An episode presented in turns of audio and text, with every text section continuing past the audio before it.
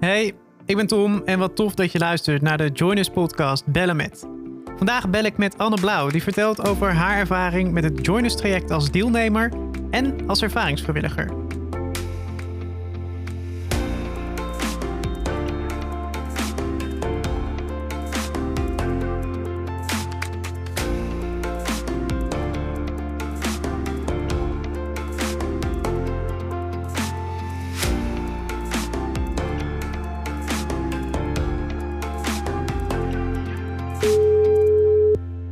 Anne. Hey Anne, je spreekt met Tom. Hey. Sowieso leuk om je te spreken. Ja, in, insgelijks. Kun je in eerste instantie even vertellen wie je bent en wat je eh, connectie is met Joiners? Ja, wie je bent. Hele diepe vragen. Ja. ja, ik ben Anne, ik ben 24 en ik, ehm, ja, wat doe ik allemaal in het dagelijks leven? Ik geef gastlessen, ik ehm, ben online actief om een beetje de taboe rondom psychische klachten te doorbreken, maar ook mezelf kwetsbaar op te stellen en daardoor hopelijk herkenning of erkenning te bieden aan jongeren die er in hetzelfde schuitje zitten. Ja, met Joiners uh, ben ik ervaringsvrijwilliger en daarbij zit ik nu in mijn tweede groep, die is nu halverwege. En daarnaast heb ik een videoserie gemaakt voor Joiners over hoe een online traject bij Joiners er nou precies uitziet. En ja, probeer ik me in te zetten als vrijwilliger op ja, de manieren hoe kan en wat zij nodig hebben en willen van mij. Dus dat doe ik bij Joiners. Ja, dus ook van deelnemer naar vrijwilliger doorgegaan. Ja, ja, ja klopt. Ja. ja, als vrijwilliger deel je dus eigenlijk je ervaring met de groep. Uh, voelt het dan ook heel anders om als vrijwilliger in een groep deel te nemen in plaats van als deelnemer?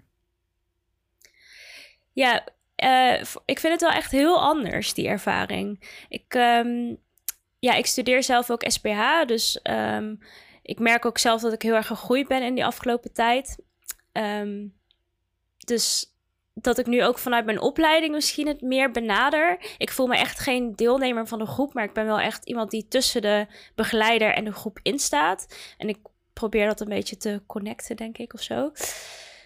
Um, dus ja, ik ervaar dat wel heel anders. Ja, een hele andere kant van, van het traject. Ja, denk het wel. En nu is het natuurlijk eerst als je zelf in een groep zit, dan heb je je eigen doelen. En nu wil ik gewoon graag dat de groep uh, het beste eruit haalt. En probeer ik me daarvoor in te zetten. Dus staat het uh, groepsbelang voor.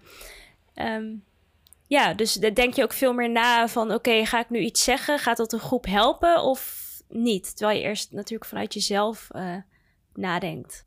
En hoe, hoe betrek je jezelf dan zeg maar bijvoorbeeld bij activiteiten die je met de groep doet? Doe je dan gewoon mee of ben je dan meer een soort van begeleidende rol daarin? Um, ja, beide. Of in ieder geval, nou ja, je hebt de groepschallenges elke week. En dan ben ik wel bewust degene die niet als eerste iets zegt. Want ik vind dat, eerst, dat ik dat aan een groep eerst moet laten. Maar als er nou niks komt, dan vind ik wel dat ik de groep moet trekken en het goede voorbeeld moet geven. Ja, dus echt meer de begeleidende rol in, uh, in het traject. Ja, ik, ik vind het wel begeleidend. Maar ik hoor ook wel, ik heb ook wel vrienden die nu ook uh, ervaringsvrijwilliger zijn. En die ervaren dat niet zo. Dus ik denk dat dat misschien ook wel komt door mijn opleiding en doordat ik in mijn afstudeertraject uh, zit en echt meer die kant van hulpverlener op aan het gaan ben. Dus dat het misschien ook wel meer bij mij ligt en niet. Ja, ik denk dat iedereen dat anders ervaart als ervaringsdeskundige. Ja, en soms willen jongeren misschien ook wel juist met een leeftijdsgenoot iets bespreken en niet met een begeleider. En dan, uh, ja, dan ben ik er ook. Dus ja. ja. heel divers ook wel. Wat mooi, dat je, dat je toch een beetje een soort van zweeft tussen een begeleider en een, ja, ook, ook een deelnemer voor de, voor de deelnemers. Ja, ja, zeker. Ja, het is wel een mooie rol inderdaad. Omdat ik zou begeleider uh, zijn, zou ik nog best wel spannend vinden. Dus het is echt perfect voor mij om er zo een beetje tussen te staan. Ja.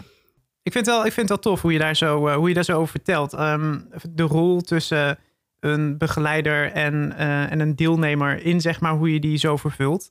Uh, maar hoe heb je dat in je eigen traject ervaren toen jij meedeed als deelnemer aan Joiners? Ja, goede vraag. Ik, ik heb, ben me daar niet heel bewust van geweest, moet ik zeggen.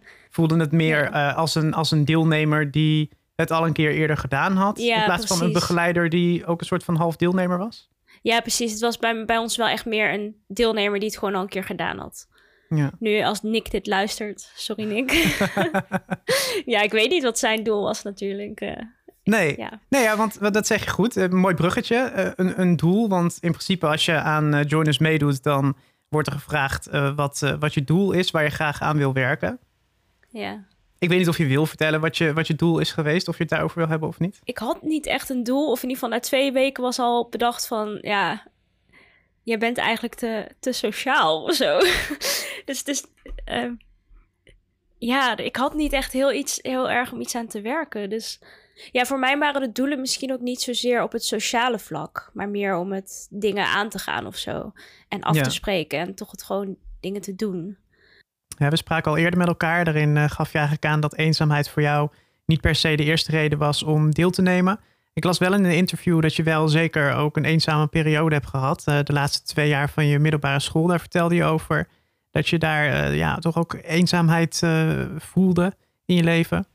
kun je daar wat over vertellen? Ja, zeker. Ja, eenzaamheid is best wel een breed begrip eigenlijk. Hè? Je kan, ik denk dat je je eenzaam op heel veel verschillende vlakken je eenzaam kan voelen. En um, ik denk je kan je eenzaam voelen in letterlijk als je een verhaal wil delen en je hebt niemand om het aan te delen. Dat, dat speelt bij mij eigenlijk niet zo, want ik heb best wel wat mensen in mijn omgeving. Ehm, maar je kan je ook eenzaam voelen in ehm, ja, fysiek. Dat je echt de behoefte hebt aan een knuffel of een arm om je heen. Of misschien ook wel je eenzaam voelen in de wereld, in de maatschappij. Misschien nu met corona, maar ik denk dat het daarvoor ook al speelde.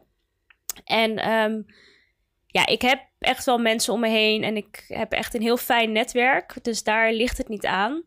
Maar dan nog kan je wel af en toe. Uh, maar dat heeft iedereen, denk ik. Dat je af en toe denkt. Ja, dat je, je toch soms wel eenzaam voelt. Maar het is niet een chronische eenzaamheid. Want zo'n chronische eenzaamheid, dat kan wel echt veel pijn doen. Dat is wel echt. Ja, een fysieke pijn levert dat bijna op. Mm En dat, ja, daar kan ik niet zeggen dat ik dat heb op dit moment. Maar in het verleden, ehm, tijdens de middelbare schooltijd, heb ik me denk ik wel echt wel eenzaam gevoeld. Ja, en wat waren voor jou op dat moment dingen die je deed om, ehm, om een beetje uit die eenzaamheid te komen? Ja, ik weet niet of ik daar. Uh, ik probeerde wel contact te zoeken hoor. Maar ik denk dat de tienerjaren zijn sowieso best wel een eenzame tijd. Dus ik denk dat je dan sowieso al heel veel struggelt met eigen gevoelens. En dus iedereen wel dat op een bepaalde manier heeft. Maar ik zat ook veel thuis. Dus ehm, ja, dat was wel een moeilijke tijd. Um, ja, wat ik daaraan deed. Ik probeerde vooral. Ja, dat is ook een beetje onze generatie. Hè, dat je toch veel via telefoon uh, probeert te zoeken. Terwijl. Ja, vroeger klopten we gewoon bij elkaar aan. en ja. nu. Uh, ja. Ik denk dat dat echt wel een probleem is in onze uh, generatie hoor. De, touwtjes eh, hangen niet meer uit de brievenbus ook, hè? Nee, we zijn echt wel individualistisch geworden. Ik vind het ook wel... Uh, ik snap dat er veel mensen vastlopen. Of dat er problemen zijn in onze generatie, zeg maar. Hmm. ja. ja. Wat, wat, zou, wat zou voor jou een, een tip aan iemand zijn die zich eenzaam voelt? Cool. Ja, het, toch gewoon uitspreken en het toch gewoon... Uh ja, het is zo makkelijk gezegd van ja, uh, ga toch contact zoeken. Want ik ken het zelf ook. Dat, uh, ik heb heel veel mensen om me heen. Maar soms voel je toch heel erg die weerstand om, er, om ze te vragen, om hulp te vragen. Dat denk ik dat heel erg van onze generatie is trouwens. Dat je niet zo snel hulp vraagt. Ja. Ik had laatst bijvoorbeeld een, uh, een trapje nodig. Want ik wilde bij mijn plafond. En de, mijn eerste gedachte was, ik ga er één kopen. Toen dacht ik, mhm. wat een onzin. Want ja, die staat hier dan maar en het kost veel geld. Dus nee, dat moet ik niet doen. toen mijn tweede reactie was ook, ga het aan mijn ouders vragen. Maar dat is ook heel krom, want dan ga ik helemaal twee kilometer verderop om een trap te halen. En nou, dat slaat ook nergens op. Dus eigenlijk doe je er in eerste instantie alles aan om maar geen hulp te hoeven vragen, blijkbaar. En toen dacht ik, nou, ik moet het toch gewoon hier in dit gebouw vragen. En uh, ja, uiteindelijk heb ik een appje gestuurd in een groepsapp met de vraag of iemand een trap heeft. Terwijl, hoe krom dat ik niet gewoon even naar iemand toe loop, aanklop en vraag: Heb jij misschien een trap voor me? Dus um, ja, je kan wel zeggen: uh, ga naar mensen toe, maar het uh, is soms gewoon blijkbaar toch een weerstand of zo. om dat ja. te doen. Je, ja. je natuurlijke instinct zegt meteen: nee, ik kan dit oplossen met ja. de middelen die ik heb. Ja, het is echt belachelijk. En ik doe er dus zelf ook gewoon aan mee. Dus um, echt een tip tegen eenzaamheid is ja, kleine stapjes jezelf toch naar buiten gooien. Niet blijven zitten en afwachten. Nee, en ik denk dat er al echt wel mensen zijn. eh, misschien denk je dat ze niet, je niet willen horen, maar uiteindelijk, eh, al zeg je het maar op Instagram bijvoorbeeld, ja, weer die stomme social media van onze generatie. Maar dan weet ik zeker dat er wel iemand is die zegt: Oh, ik wil best even bellen. Ook al is dat ook weer een vet grote stap om dat te gaan doen. Maar er zijn echt wel mensen die naar je willen luisteren, denk ik. Ja, ja, er, is, Ja. er is altijd wel iemand, eh, is volgens mij een liedje. Ja, ja, en het kan ook met kleine dingen. Waar je met, misschien kan je met kleine dingen beginnen als in de supermarkt iets vragen. Eh, het is niet meteen dat je dan een sociaal netwerk hebt, maar je pusht jezelf wel tot contact maken. Ja, nee, absoluut. Eh, mooi gezegd. En eh, ook een mooie, denk ik, om vandaag mee af te sluiten. Ik vond het in ieder geval heel fijn om je te spreken. Ja? En ehm, ik, ben, ik ben heel erg blij dat je, dat je wat hebt kunnen vertellen over jouw ervaring, zowel met het traject als deelnemer, als jouw ervaring als ervaringsvrijwilliger. Eh, als er nou nog iemand zit te luisteren die denkt, die Anne, daar wil ik meer over weten, waar ben je te volgen? Ja, ik eh, ben actief op eigenlijk alle social media kanalen, maar vooral op YouTube. Eh, social media is Blue Anne.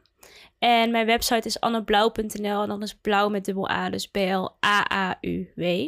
En daar vind je denk ik ook wel het een en ander. Nog eh, speciale dingen waar je op dit moment mee bezig bent, waar mensen echt naar moeten kijken?